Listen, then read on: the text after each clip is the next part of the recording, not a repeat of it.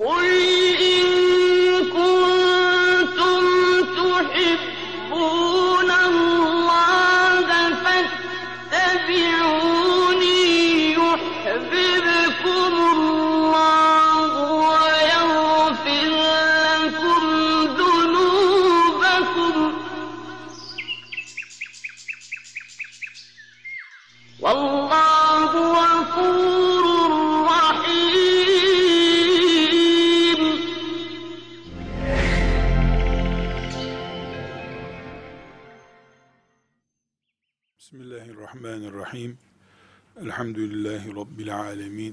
Ve sallallahu ve sellem ala seyyidina Muhammedin ve ala alihi ve sahbihi ecma'in. Biz ümmeti Muhammediz. Alimimiz, cahilimiz, yöneticimiz, yönetilenimiz, hocamız, cemaatimiz, zenginimiz, fakirimiz, siyahımız, beyazımız, hepimiz Allah'ın kulları olarak ümmeti Muhammed'i oluşturuyoruz. Ve hepimizin tek ortak paydası kulluktur. Ve herkes mükelleftir. Herkes kuldur ve herkes mükelleftir. Ne anlama geliyor? Alim, alim olmakla, siyasetçi, siyaset yapmakla, beyaz, beyaz olmakla, siyah, siyah olmakla, bu ana paydamız olan, ana ortak değerimiz olan kulluğun dışına çıkamaz. Hiç kimse mükelleflik yani sorumluluk sınırlarının dışında duramaz. Herkes Allah'ın kuludur. Herkesin birinci ismi kuldur. Kulluktan sonra kimi alim, kimi cahil, kimi yöneten, kimi yönetilen olabilir. Ama her şeyden önce kulluktur. Mükellef insan oluşumuzdur. Kıyamet günü dirilirken alimlik, siyasetçilik, yöneticilik, siyahlık, beyazlıktan önce Allah'ın kulu olmanın gereği olarak inşallah dirilmiş olacak herkes. Bu sebeple alim olsun, cahil olsun. Fakir olsun, zengin olsun. Beyaz derili olsun, siyah derili olsun. Kim olursa olsun bu ümmetin içinde bir mümin bu ikinci sınıftaki ikinci derecedeki konumundan önce Allah'ın kulu olmayı düşündüğü zaman bu ümmetin içinde iyi bir yerde olur.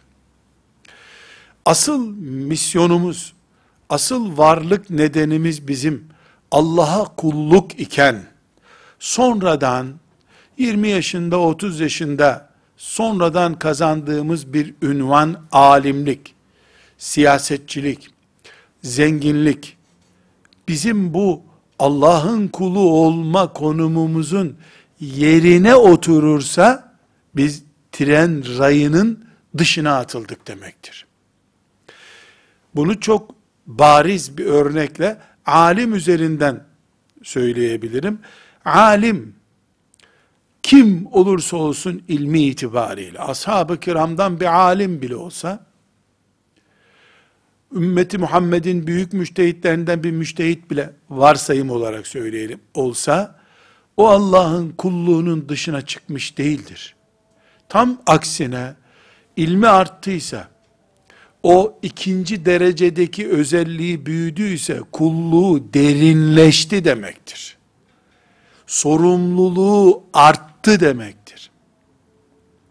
Sıradan bir Müslüman Allah'ın kulu mükellef bir müminken kendinden ve çocuklarından kıyamet günü muahaze edilecek, hesaba çekilecekti. Alim bir insan yaşadığı çağdaki insanların tamamından hesaba çekilecek. yazdığı kitaplar veya yazmadığı kitaplar, yaptığı dersler ya da de yapmadığı dersler sebebiyle belki beş asır sonrasının insanlarına iman ve amel açısından etkisi itibariyle hesaba çekilecek. Bu ümmetin içinde sıradan biri olmakla ümmetin çizgilerinin üst seviyesinde olmak arasında büyük fark var. Ama kulluk, ama Allah'ın önünde hesap verme, mükellef olma açısından derinleşilir, kenara çekilemez. Ümmeti Muhammed olarak biz alimimize ve siyasetçimize böyle bakmak zorundayız. Zenginimize ve fakirimize böyle bakmak zorundayız. Bu ümmetin içinde bir insan olmak kesinlikle Allah'ın kulu olmak ve bunu kabul edip benimsemek demektir. Kuluz, mükellefiz. Ünvanlarımız sonradan takma ünvanlardır. Kulluğun önünde hiçbir ünvanımız yoktur. Tıpkı bir asker gibi. Asker insan annesinin doğurduğu bir çocuktur. Daha sonra omuzuna takılan işaretler, yıldızlar, belli bir yaştan sonra, belli bir tahsilden ve beceriden sonra omuzuna konmuş yıldızlardır. Onları söküp attığınızda insanlığı gene duruyordur. Onlar sökülüp atıldığında, tabuta konduğunda insan olarak mezara gidecek. Biz ümmeti Muhammed'den herhangi bir insanı böyle görüyoruz. Görmeliyiz. Ümmeti Muhammed misin? Allah'ın kullarından bir kulsun. Bir. Sen de herkes gibi sorumlusun. Rabbinin huzurunda hesap vereceksin. İki. Ondan sonra sen alim olduğun için sana ümmeti Muhammed farklı bir seviye tespiti yaptıysa, siyasetçi olduğu için seni alkışlıyor, takdir ediyorlarsa, zengin oldun, işçi çalıştırdın, sadakalar verdin diye sana hürmet ediyorlar, saygı gösteriyorlarsa, bu senin omuzlarına takılmış yıldızlar gibidir. O yıldızlar düşer, kaybolur, insanlığın kaybolmaz, o yıldızlar sana artı insanlık getirmiyor. Artı bir şey getirmiyor. Sadece bulunduğun konumu biraz daha farklı hale getiriyor. Bugün ümmeti Muhammed aleyhissalatu vesselam alimine, şeyhine, hoca efendisine, siyasetçisine, Allah'a davet eden davetçiye, Allah'ın rızası için insanları zikrullah'a davet eden bir sufiye bu mantıkla bakmalıdır. Bu mantık bozulduğu zaman putlaştırılmış alimler, Allah'ın peşinden, peygamberin peşinden gider gibi, şeriatın izini sürer gibi bir alimin peşinden gitme anlayışı, cenneti, cehennemi, sırat köprüsünü, her şeyi bırakıp bir şeyh efendinin rızası için mücadele etmek gibi sapık noktalara gelinir. Malına tapınılan zenginler oluşur İslam toplumunda. Malına tapınılan zenginler değil, malından ümmeti Muhammed'in istifade ettiği zenginler olabilir bizim toplumumuzda. Çünkü zengin zengin olmakla hiçbir şekilde kulluk ve mükelleflik sınırlarını aşmıyor, aşmamalıdır. Hristiyanlıkla, Yahudilikle, muharref Yahudilikle farkımız budur bizim. Biz ümmeti Muhammediz. İnşallah bu kaliteyi kıyamet gününe kadar koruyacağız. Ancak şunu da iyi bilelim ki kıyamet gününe kadar bu vasfın suistimali de olacaktır. Hoca efendilik, alimlik, şeyh efendilik, zenginlik suistimal götürür kurumlardır. Neden? Çünkü insanların gözünde şirin görünen başlıklara sahip oldun mu? Elinde para oldu mu? Ağzında söz yetkisi oldu mu? Kaleminin imza yetkisi oldu mu? Seni abartan birileri de muhakkak bulunabilir. İnsansın, ümmeti Muhammed'den birisin, kulsun, sen de mükellefsin. Resulullah sallallahu aleyhi ve selleme canlarımız kurban olsun. Hani şu Medine'de çarşıda fiyatlar çok yükseldi ya Resulallah. Bir talimat buyursanız da fiyatları biraz indirse tüccar. Çok pahalı satmayın. Deseniz ya diye rica edildiğinde kendisine Şimdi dikkat ediyoruz. Abduhu ve rasuluhu. Allah'ın kuludur. Allah'ın peygamberidir. Nasıl gerçekleşiyor? Böyle bir ricada bulunulduğunda kendisinden ne buyurmuştu? Hayır. Fiyatları yükselten de indirden de Allah'tır. Tüccar mal gelmediği için fiyatları yükseltmiştir. Mal bol gelse fiyatlar aşağı inecektir. Ben devletin başı olarak indirin şu fiyatları desem esnafa zulmetmiş olurum. Allah'ın huzuruna hiç kimseye zulmetmemiş biri olarak çıkmak istiyorum. Buyurmuştur. Ne bu? Peygamberlik ünvanını kullanıversene vatandaş rahat etsin sözüne karşı peygamberlik ünvanını bu şekilde kullanmayı zulüm görmüş. Ve bu zulmü yapmam ben insanlara buyurmuştur. Muhammed sallallahu aleyhi ve sellem. Çünkü o da Abdullah'ın oğlu Muhammed'dir neticede. Peygamberdir. Peygamberlik onu neredeyse meleklerin de üstüne, neredeyse değil meleklerin üstüne de çıkardı ama hala dünyada yaşıyordu. Fakat o ünvanı insanlık sınırlarının, insanlık standartlarının bozulacağı bir şekilde kullanmaya yanaşmadı. Ne kadar örnekleri var bunun. Ben de insanım canım. Kuru ekmek yiyen bir kadının çocuğuyum ben. Sözlerinden bunlar yansıyor. Bu sebeple alimler alimden alime ilmi aktarırlar. Resulullah sallallahu aleyhi ve sellem'den varis oldukları değeri aktarırlar. Ama bu hiçbir zaman onları ümmeti Muhammed'in standartlarının üstüne çıkarıp tapınılan, her sözüne şartsız kayıtsız itaat edilen biri haline getirmez. Şeyh efendiler ruhları terbiye etmek için, kalplere yön vermek için faaliyet yapan insanlardırlar. Alim olmaları da şart değildir. Alim olurlarsa ne a'la ne kadar güzel olur. Ama hiçbir zaman kulluk yaptığımız önderlerimiz değildirler. Biz Allah'ın kullarıyız. Allah'a karşı mükellefiz. Şeyh efendi de, alim efendi de, müştehit efendi de Allah'ın kuludur. Allah'a karşı sorumludur. Kullar birbirlerine efendilik yapamazlar. Kullar birbirlerine sadece kardeşlik yapabilirler. Alim de olunsa. Elbette alimin cahilden daha farklı olan bir hakkı hukuku da vardır. Ama bu kullara karşı onları ikinci bir kulluk çuvalına sokma şeklinde değildir. Sadece ve sadece onlara Allah'ı tanıtmak, şeriatı öğretmek içindir. Kulların alime saygısını sömürmek için değildir. Demek ki biz bu çizgi ile kul, alimlerin, şeyhlerin, zenginlerin, siyasetçilerin ümmeti Muhammed'den birisi olma noktasını aşıp suistimal edecekleri ünvanlarına, makamlarına karşı uyanık olmak durumundayız. Bu sebeple alimlerin ümmeti Muhammed içindeki konumla, konumlarını bir önceki dersimizde değerlendirdik. Ne, ne dedik? Onlar da bizim gibi beşerdirler. Alim beşerdir. İlah değildir. Haşa, olamaz. Beşer, insan. Annesinin karnında o da dokuz ay bekledi. Onun da bağırsakları pislik dolu. Ne kadar ilim öğrenirse öğrensin. O da ölecek. O da mezara girecek. O da toprağın altında havasız bir yerde kalacak. İnsan bu ya. Alim insandır. Şeyh insandır. Zengin insandır. Siyasetçi insandır.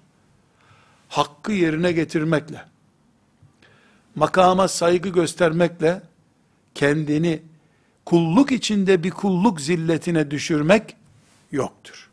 İkisi arasında fark var. Alime hakkını, ilmin hakkını vereceğiz. Peygamber varisi. Siyasetçi yönetiyor, otoritesini kabul edeceğiz. Şeyh efendi irşad ediyor, saygıyla, hürmetle karşılayacağız. Ama kulluk sadece Allah'a. Ne tahkir ederek, kıymetini düşük tutarak biz zulmedebiliriz, ne de onu ilahlaştırarak adeta kendimize zulmedebiliriz. Ortayı bulmak zorundayız. Biz inanıyoruz ki alimler de masum değildirler. Kesinlikle Alimler de hata edebilirler. Alimlerin de bilgisi ve insani güçleri sınırlıdır. Asla ve kat'a sınırsız bir alim yoktur. Her şeyi sadece Allah bilir. Resulullah sallallahu aleyhi ve sellem Resulullah kainat üzerinde muadili yok. Anadolu deyimiyle eline su dökecek melek yok desem yerindedir. Ama Rabbim ona ne buyurdu? وَلَا تَكُولَنَّ لِشَيْءٍ اِنِّي فَاعِلٌ ذَٰلِكَ غَدًا اِلَّا اَنْ يَشَاءَ اللّٰهِ Ey peygamber, yarın size cevap vereceğim deme sakın. Ne biliyorsun da cevap vereceksin? Allah dilerse, Cebrail'i gönderirse cevap vereceğim de. Her şeyi bilen alim olsa olsa Peygamber sallallahu aleyhi ve sellem de o olurdu. Milyar kere bunu hak etmişti. Milyar kere, milyar milyar kere hak etmişti. Makamı gereği Allah katındaki mahbubiyeti neticesi hak etmişti bunu. Ama ona da Allah ne buyurdu? وَلَا تَكُولَنَّ لِشَيْءٍ Öyle ya, her şeyi bilirim deme. Hiçbir alimi beşeri takati itibariyle, ilmi birikimi itibariyle sınırsız kabul edemeyiz. Neden? İnsan bu. Unutur. Büyük büyük alimler bile yaşlanınca pot kırdılar. Talebeleri tespit etti bunu. İnsan bu. Cinlerden alemimiz yok bizim. Meleklerden alemimiz yok bizim. Dolayısıyla biz alimleri kaliteli bir yerde tutuyoruz, ilahlaştırmıyoruz, kulluklarını iptal etmiyoruz. Ve bir noktayı daha vurgulamıştık.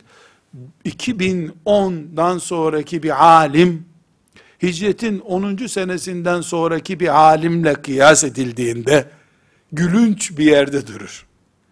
Güneşin 10 metre yakınında duranla, 1400 kilometre yakınında duran bir cisim aynı olmadığı gibi, kıyamete doğru gidildikçe, bütün imkanların çoğalmasına, fırsatların çoğalmasına, insanların zekasının artmasına rağmen, nübüvvet güneşinden uzaklaşıldıkça, en azından feyiz ve bereket azalıyor. Dolayısıyla 2010 yılındaki bir alim, hicretin 10. senesindeki bir alimle İbni Abbas'la kıyas edilemez. Böyle bir kıyas yapılamaz. Hicretin 100. senesindeki bir alim de İbn Abbas'la 10. senesindeki bir alimle radıyallahu anhuma kıyas edilemez. 200. senedeki 100. senedekinden daha aşağıda duruyor. 1100. senedeki de ho 100. senedekinden fersah fersah ötede duruyor. 500 sene sonraki bir alim de bugünkü alimden daha geride duracak. Neden? Çünkü çekim alanından, bereket ve feyiz noktasından uzakta duruyoruz. Ama burada hassas bir çizgiyi çiziyorum. Diyorum ki bu az bilecek demek değildir. Belki bu zamanda bilenler İmam-ı Azam'dan daha fazla biliyorlar. Kütüphaneler maşallah han gibi kütüphaneler var. Ebu Hanife'nin beş tane kitabı var, 500 sayfa yapmaz beşi de. E şimdi senede 500 sayfalık kitap yazan alim var. Bu olur. Feyizden, bereketten, Allah'ın rahmetinden istifadeden söz ediyoruz. Tesirden söz ediyoruz. Hayırlı alim olmaktan söz ediyoruz. Selefin uleması ile, selefi salihinimizin uleması ile, bugünün ulemasını bir tutamayız. Her birine saygımız ve hürmetimiz olmalı. Ama hakkı da yerine oturtacağız. Hatta ve hatta bıraktım gitti yahu. Osmanlı ecdadımızın son dönemindeki alimlerle bile bugünkü alimleri bir tutamayız. Başında halife bulunan bir toplumun alimi ya. Bunu bu şekilde takdir etmeliyiz. Aksi takdirde bir alimin peşinden Resulullah sallallahu aleyhi ve sellemin peşinden gider gibi gideriz. veya bir alimi, bir şeyh efendiyi, bir zengini, bir siyasetçiyi konumun uygun olduğu yere oturtamazsak onu putlaştırır. Ona da kendimize de maazallah zulmederiz. Birinci nokta bunu tespit etmiştik önceki tespit dersimizde. İkinci noktamız alimden alime köprü kurulmuş bir ümmetin içerisinde yaşamamızın gerektirdiği ikinci noktamız. Rabbimin imtihanları çeşit çeşittir. Fakirlikle imtihan eder, zenginlikle imtihan eder. Kısa boylusun öyle imtihan eder, zayıfsın, şişmansın öyle imtihan eder. Kıvırcık saçlısın bir türlü imtihan eder, uzun saçlısın başka türlü imtihan eder. Dışarıdan kafirleri gönderir, kafirler toprağa saldırır, seni imtihan eder cihad edip etmeyeceğini. Büyük servetler verir, insan nimete kul olacak mı olmayacak mı, asas, asas nimetin sahibi olan Allah'ı bulacak mı bulmayacak mı, öyle imtihan eder. Rabbimin imtihanının haddi hududu yoktur. Kulle yevmin huve fi şe'n. Her gün bir iş yapıyor Allah. O her gün bir imtihan çıkarıyor bize demek. Her dakika bir imtihan çıkarıyor. Gençlik bir imtihan, yaşlılık bir imtihan, ihtiyarlık bambaşka bir imtihan. Bekarsın bin çeşit imtihan, evlisin iki bin çeşit imtihan. Çocuğun olmaz bir imtihan, olur bir imtihan. Burada Allah'ın imtihanlarından birisi de ümmeti Muhammed'in bireylerinin alimlerle imtihanıdır. Bu Siyonizmin ümmeti Muhammed'in üzerinde bir imtihan belası olarak durması gibi bir şeydir. Alimlerle imtihanlık, evlilik imtihanı gibi bir imtihandır. Neden? Alimler yoksa vay ümmetin haline kıyamet yaklaştı demektir. Alimin olmayışı kıyamet işareti kadar tehlikeli. Demek ki alim yokluğunda bir imtihan konusu. Alim var, çalışmıyor, aktif değil, al sana bir imtihan çeşidi daha. Almış, akademisyenim diye oturmuş, mahallesinden bir Allah kuluna bir gün sabah namazına gidelim dememiş, adam tefsir profesörü. Vay haline kıyamet günü onun. Vay haline. Vay haline. Fıkıh profesörü 20 senedir fıkıh profesörü diye ünvan taşıyor. Oturduğu semtteki caminin imamına bir gün sen fıkıh kitabı bilmiyorsun gel ben sana yatsılardan sonra onar dakika bir Nurul İza okutayım dememiş. Ve o imam sev secde ne zaman yapılacağını bile bilmiyor. Vay haline o alimin. Vay haline o alimin var olduğu bir dünyada yaşayan müminlerin. Alim var. Fırıldak gibi dönüyor toplumun içerisinde. Bir şeyler yapmaya çalışıyor. Ümmeti Muhammed'in gençleri o alemin etrafında onlar da fırıldak gibi dönüyorlar. Gayret ediyorlar. Bir noktadan sonra alim dinin yerini peygamberin makamını işgal etmeye başlamış. Niyet ettim Allah rızası için sabah namazına der gibi, niyet ettim bu alemin etrafında yaşamaya demeye başlamışlar. Çizgi aşılmış. Bu da bir imtihan. Pişmaniye için bir şey denir ya şu İzmit pişmaniyesi için. Yeyen de pişman, yemeyen de pişman. Ağzın birbirine yapışıyor. Merak ediyorsun, yiyeyim diyorsun, bulamıyorsun, sıkıntı oluyor. Yiyorsun, damağın birbirine yapışıyor, gene sıkıntı oluyor.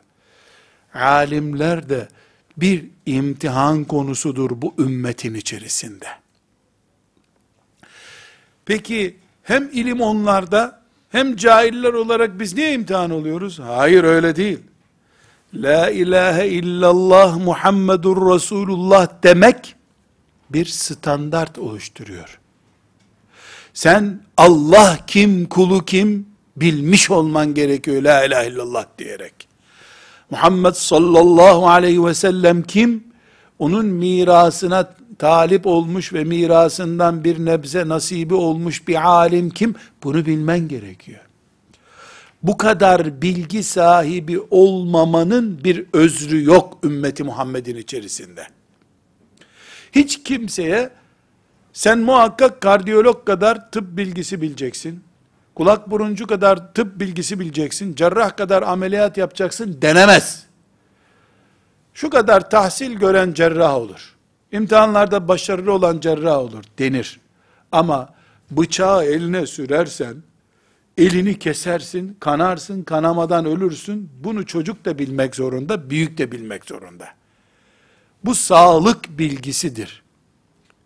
Bu kadarını bilmeyenin yaşama hakkı yoktur. Ateşe elini sokarsan parmağın cayır cayır yanar. Bunu bebek bilmeyebilir.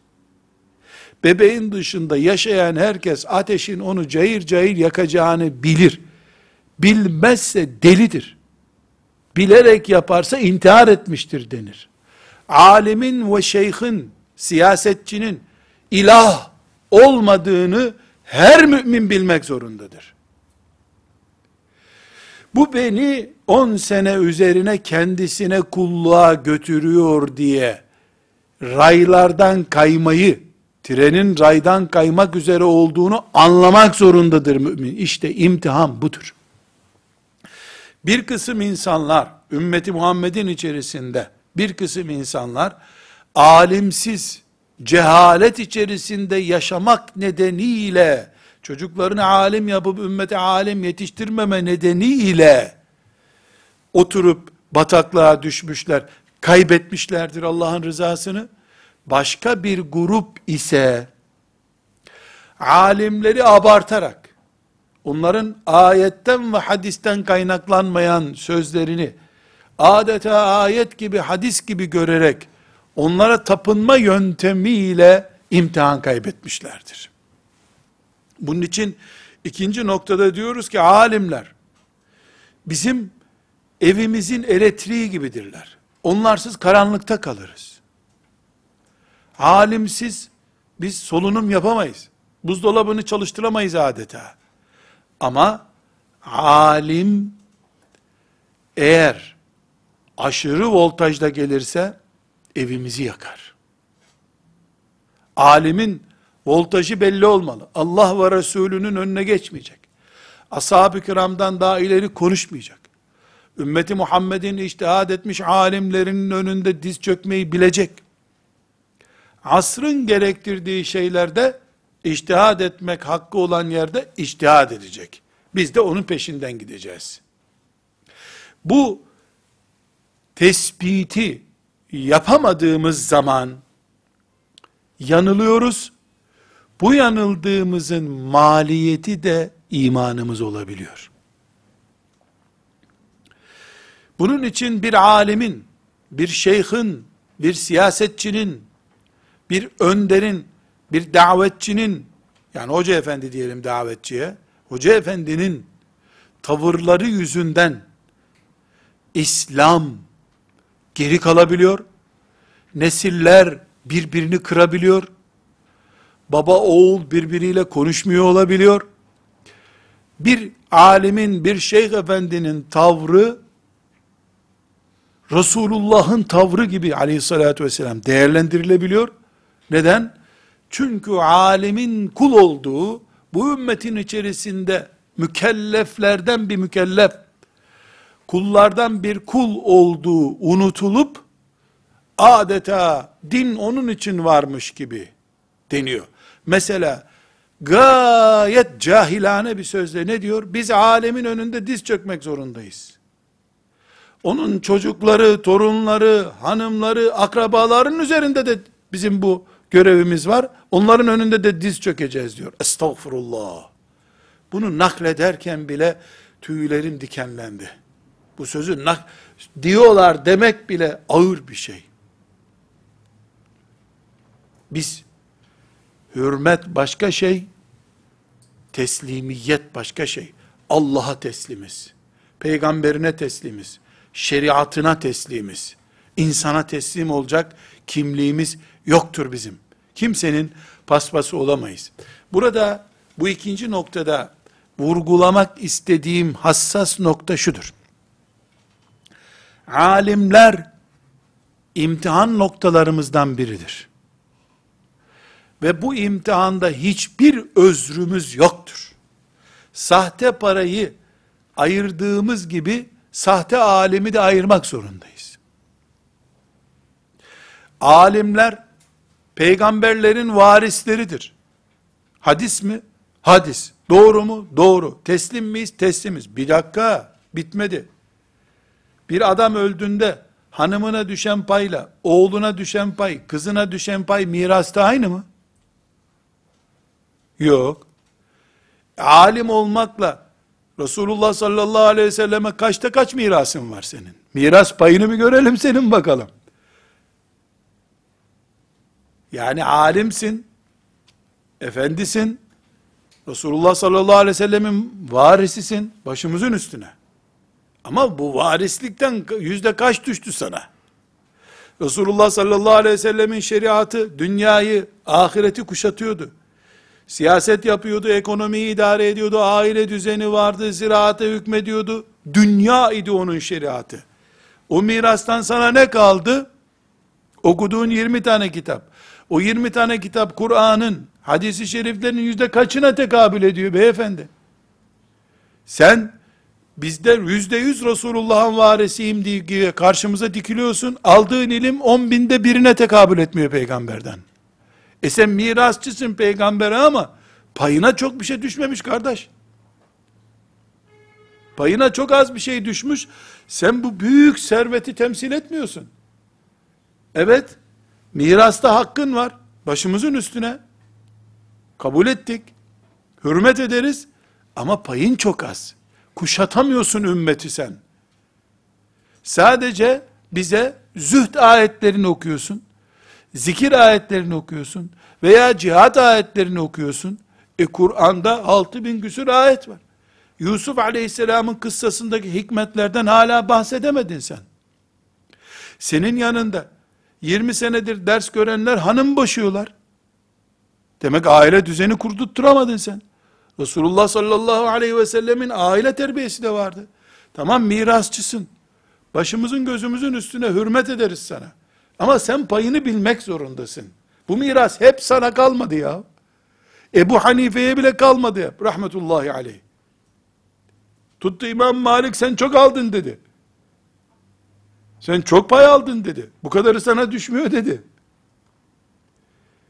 Biz ümmeti Muhammed olarak kim alim kim değil ilimlerini test ederek bilmeyeceğiz elbette. Öyle olsak biz de alim oluruz zaten. Ben de alim olurdum o zaman.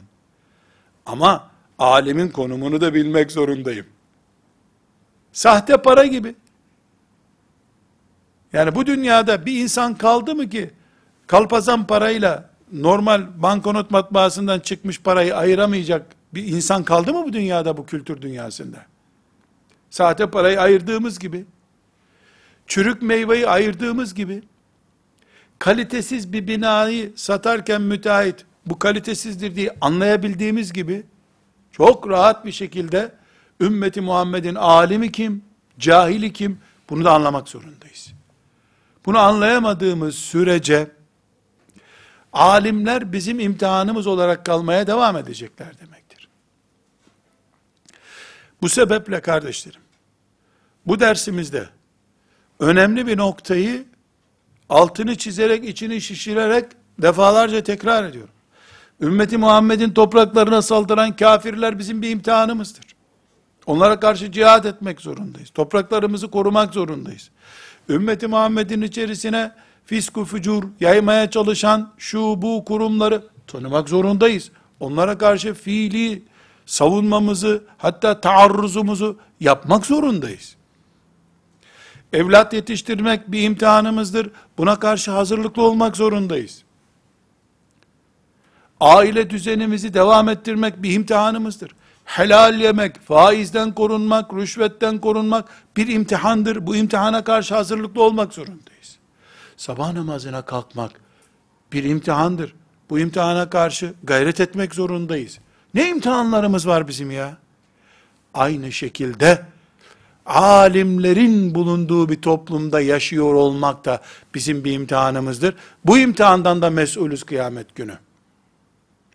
Sağlığımızdan mesul olduğumuz gibi, dinimizin kıyamete kadar payidar olmasından biz mesul olduğumuz gibi, alimin çürüğünü, alimin hatasını anlayamayan bir toplum, ulemanın karşısına sen madem böyle niye sabah namazına camiye gelmiyorsun?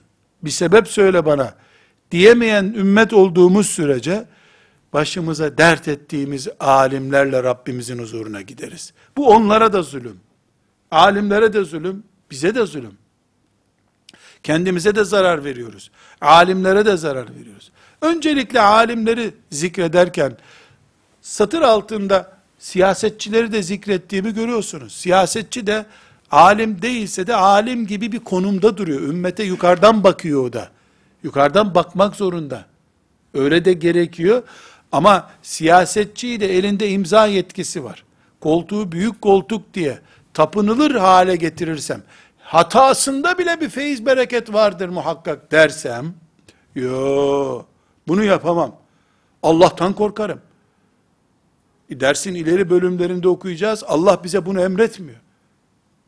Çok basit bir örnek, geçmişten olduğu için kimse üzerine almasın. Sultan Abdülhamid Han, Abdülhamid Sani rahmetullahi aleyh, ümmeti Muhammed'in liderlerinden biridir. Hatta liderlik itibariyle Sultan Fatih'ten daha değerli bir konumdadır. Fetih itibariyle değil. Neden? Çünkü Sultan Abdülhamid Sani rahmetullahi aleyh halifedir. Ümmeti Muhammed'in başıdır. Sultan Mehmet Fatih rahmetullahi aleyh İstanbul'u fethettiği için ümmeti Muhammed'in göz bebeğidir. Ümmeti Muhammed'in çiçeğidir o. Ama halife olmak, Sultan Fatih'in döneminde ümmetin halifesi vardı. Ümmeti Muhammed'in başı vardı. Dolayısıyla Sultan Fatih yedi kere daha İstanbul'u fethetse, ümmeti Muhammed'de Resulullah sallallahu aleyhi ve sellemin halifesi ünvanına ulaşamazdı. Neden? E, yaptığı işin haşa küçüklüğünden değil peygamber övgüsü almış. Ama siyasi ünvan itibariyle Abdülhamit onun kat kat üstünde. Abdülhamit Han bin tane kurtla bir odaya düşmüş bir insan gibiydi rahmetullahi aleyh. Bin kurtla bir odaya düştü. Ya bu kurtların hangisinden kaçacak? Alimlerin bile onu takdir edip anlayamadıkları bir dönemde yaşadı. Avamın sık sık tuzağa düştüğü bir badireden geçildi. Rahmetullahi aleyh. Ama Sultan Abdülhamid'i onca hayırlı, bereketli işlerine rağmen melekleştirmem ben. Ümmeti Muhammed'in topraklarının tamamına yakını onun döneminde başkalarının eline düştü. Bunu bilerek yaptı demiyoruz. İstedi, bundan hoşlandı demiyoruz. Küfür orduları bugünkü İstanbul Yeşilköy'e kadar geldiler. Sarayına onu hapsetmeye vesile olan alimler, aydın, mütefekkirler düşünsün. Dış siyasetle, ordu tanzimiyle uğraşmaya vakit bulamadı zavallı. Şimdi Abdülhamid Han'ın birinci paragraftaki övdüğü meziyetleri, bu hakikati gizleme nedenim olmaz benim. Yetersiz kaldı. Ciddi ciddi yetersiz kaldı. Danışmanlarını değiştirseydi, başka bir siyaset uygulasaydı. Çünkü 5 sene öbür seçime kadar iktidarda kalmadın sen. Çeyrek asırdan fazla iktidarda kaldın. As, yani 10 yıl 15 yıl asırla anılıyor kaldığı dönem. Çeyrek asırdan daha fazla. Bir asır dörde bölününce dörtte birinden fazla bir zaman iktidarda kaldı. Geldiği gün bu cenderenin içine düştü. Öyle bir devlet vardı. Zaten o da kazara geldi, e, halife oldu. Yani başkası olabilirdi. E, ondan sonrakilerin de akıbetini gördü. E, ümmeti Muhammed'in halifesisin sen. Bir iş becerdin. Ümmeti 30 sene ayakta tuttun. Allah senden razı olsun. Ama dış siyasetin hiç iyi değildi. Eğitime gelince kendinden önce yapılmayanları yaptı. Allah razı olsun. Okullar açtı, mektepler açtı.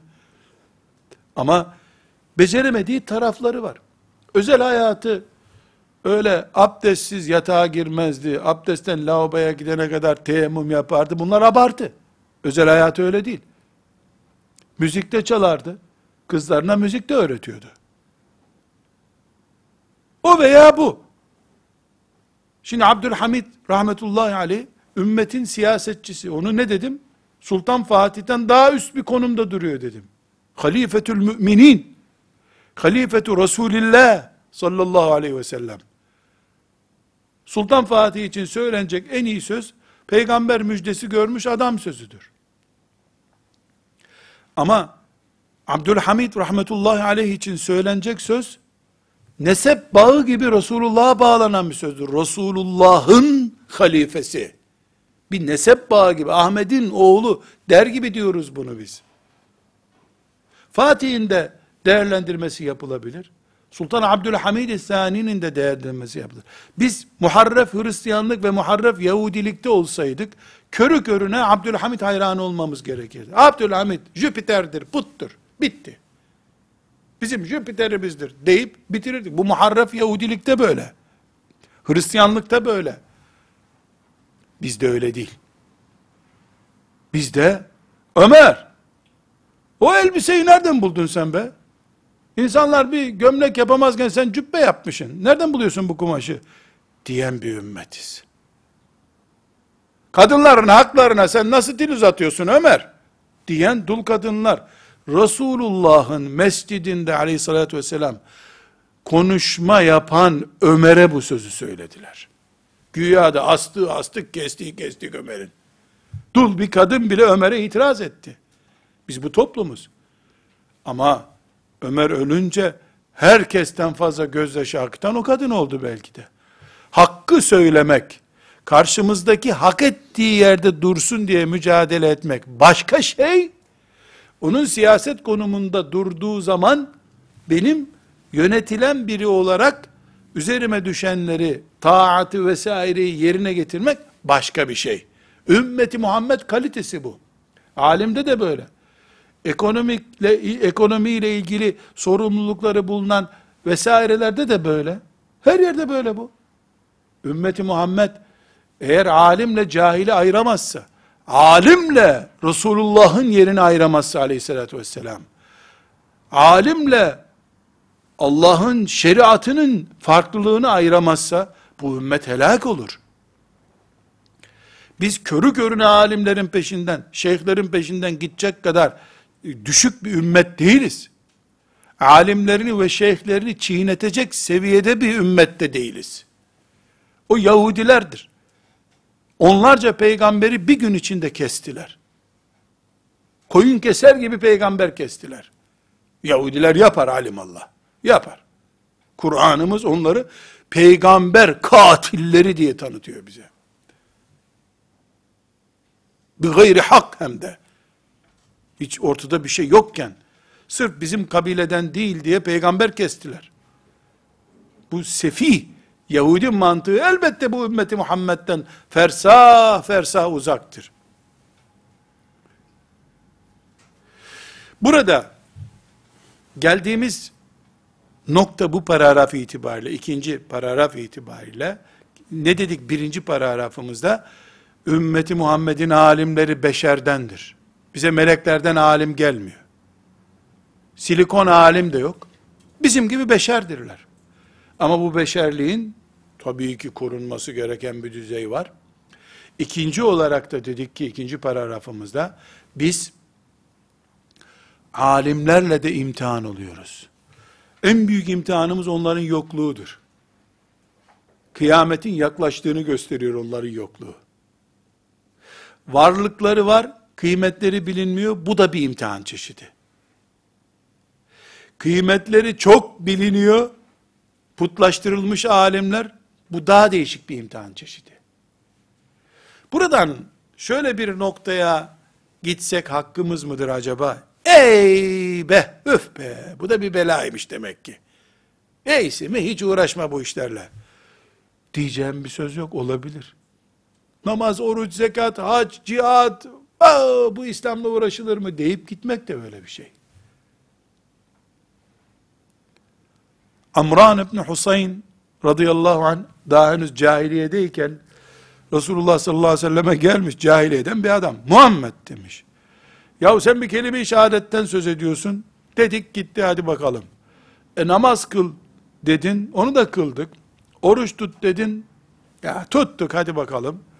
Hac edecekmişiz. Tamam onu da yapacağım.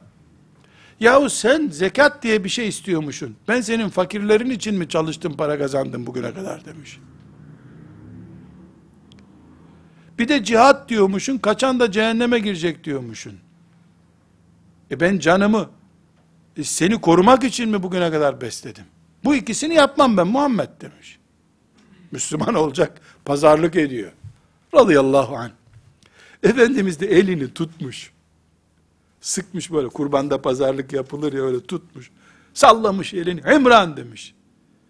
Zekat yok, cihat yok. Cenneti nasıl alacaksın demiş. Zekat yok, cihat yok. Cenneti nasıl alacaksın. Ya şudur budur itiraz etmiş, pazarlık ediyor. Hiç mi yok bunun çaresi demiş. Hiç yok demiş. Peki onları da kabul ettim. La ilahe illallah Muhammedur Resulullah demiş. E şimdi namaz, oruç, cihat, zekat, infak, aile imtihanı, sokaklar imtihan, ne bu İslam yahu? Diyebiliyor muyuz? Hayır ya Rabbi. Göklerden gezegenler toprağımıza inse, güneş bizim evin çatısına kadar düşse, kulluk imtihanımız devam edecek bizim. Zoru göçünce kaçacak Yahudi miyiz la biz? Biz Hristiyan, muharref Hristiyanlığa mensup birileri miyiz maazallah ki İsa'yı astılar diye kaçacağız? Kaçmak için gelmedik ki bu dine.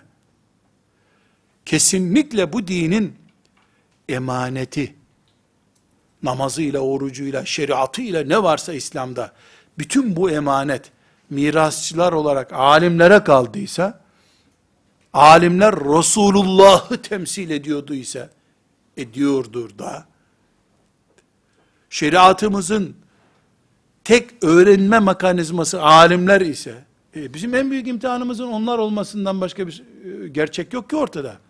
Doğal olarak onlar bizim imtihanımızdır zaten. Resulullah sallallahu aleyhi ve sellem sağ olduğunda, e, mesela Yemen'e Muaz'ı gönderdi. Muaz geldi ne dedi onlara? Hey Yemenliler! Medine-i Münevvere'de Abdullah'ın oğlu Muhammed diye biri peygamber oldu. Ben de ona iman ettim. Bana bir şeyler öğretti. Şimdi beni size gönderdi. Ben de size öğrendiklerimi öğreteceğim. Toplanın bakalım. Dedi.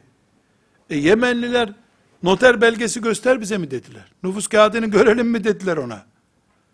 Canlı bağlantı kur bakalım. Ben gönderdim Mu- Muaz'ı buraya diye. Bağlantı mı kurdurttular canlı yayında? Ya sen nereden çıktın Muaz dediler. Kimsin? Ya ben Evs kabilesinden filancayım işte. Ya da Kureyş'ten filancayım. Ha sen o musun?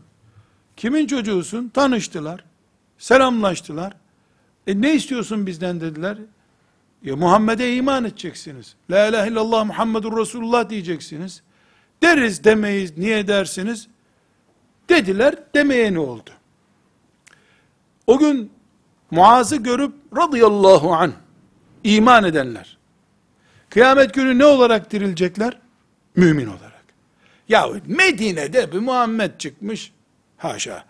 Sen de onun temsilcisiymiş. Ne bileyim lan git işine be. Deyip koyunlarının peşinden çobanlığına devam eden ne diye dirilecek kıyamet günü? Kafir olarak dirilecek. Peki o kafir olarak dirilenler akrabalarına bakacaklar. Aa bunlar cennette la. E onlar Muaz'ın getirdiği dine iman etmişlerdi. E ya Rabbi bizi cehenneme atıyorsun ama ne bilelim Muaz'ın doğru söylediğini diyebilecekler mi? Onların imtihanı o anda Muaz'ı kabul etmekti. Meryem annemiz İsa aleyhisselamı doğurduğunda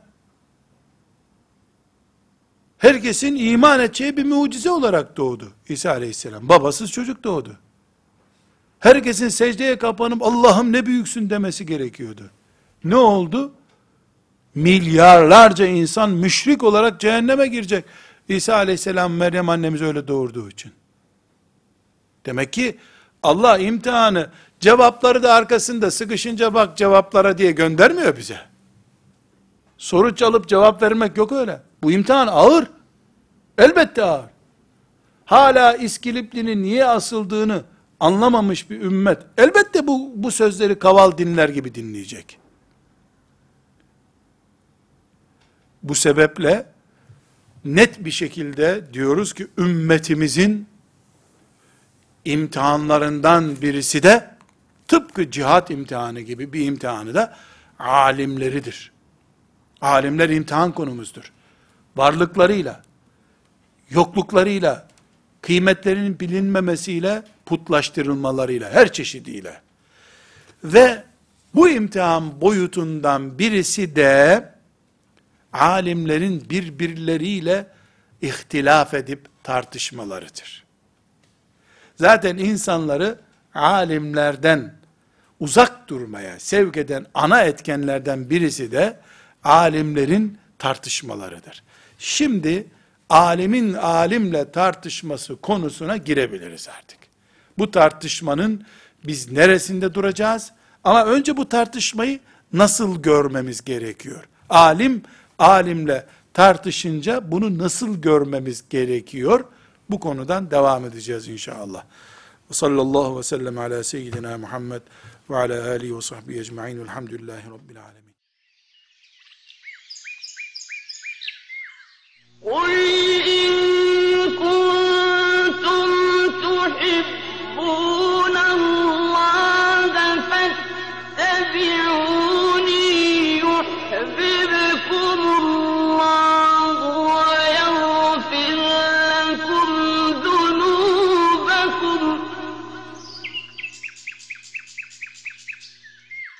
والله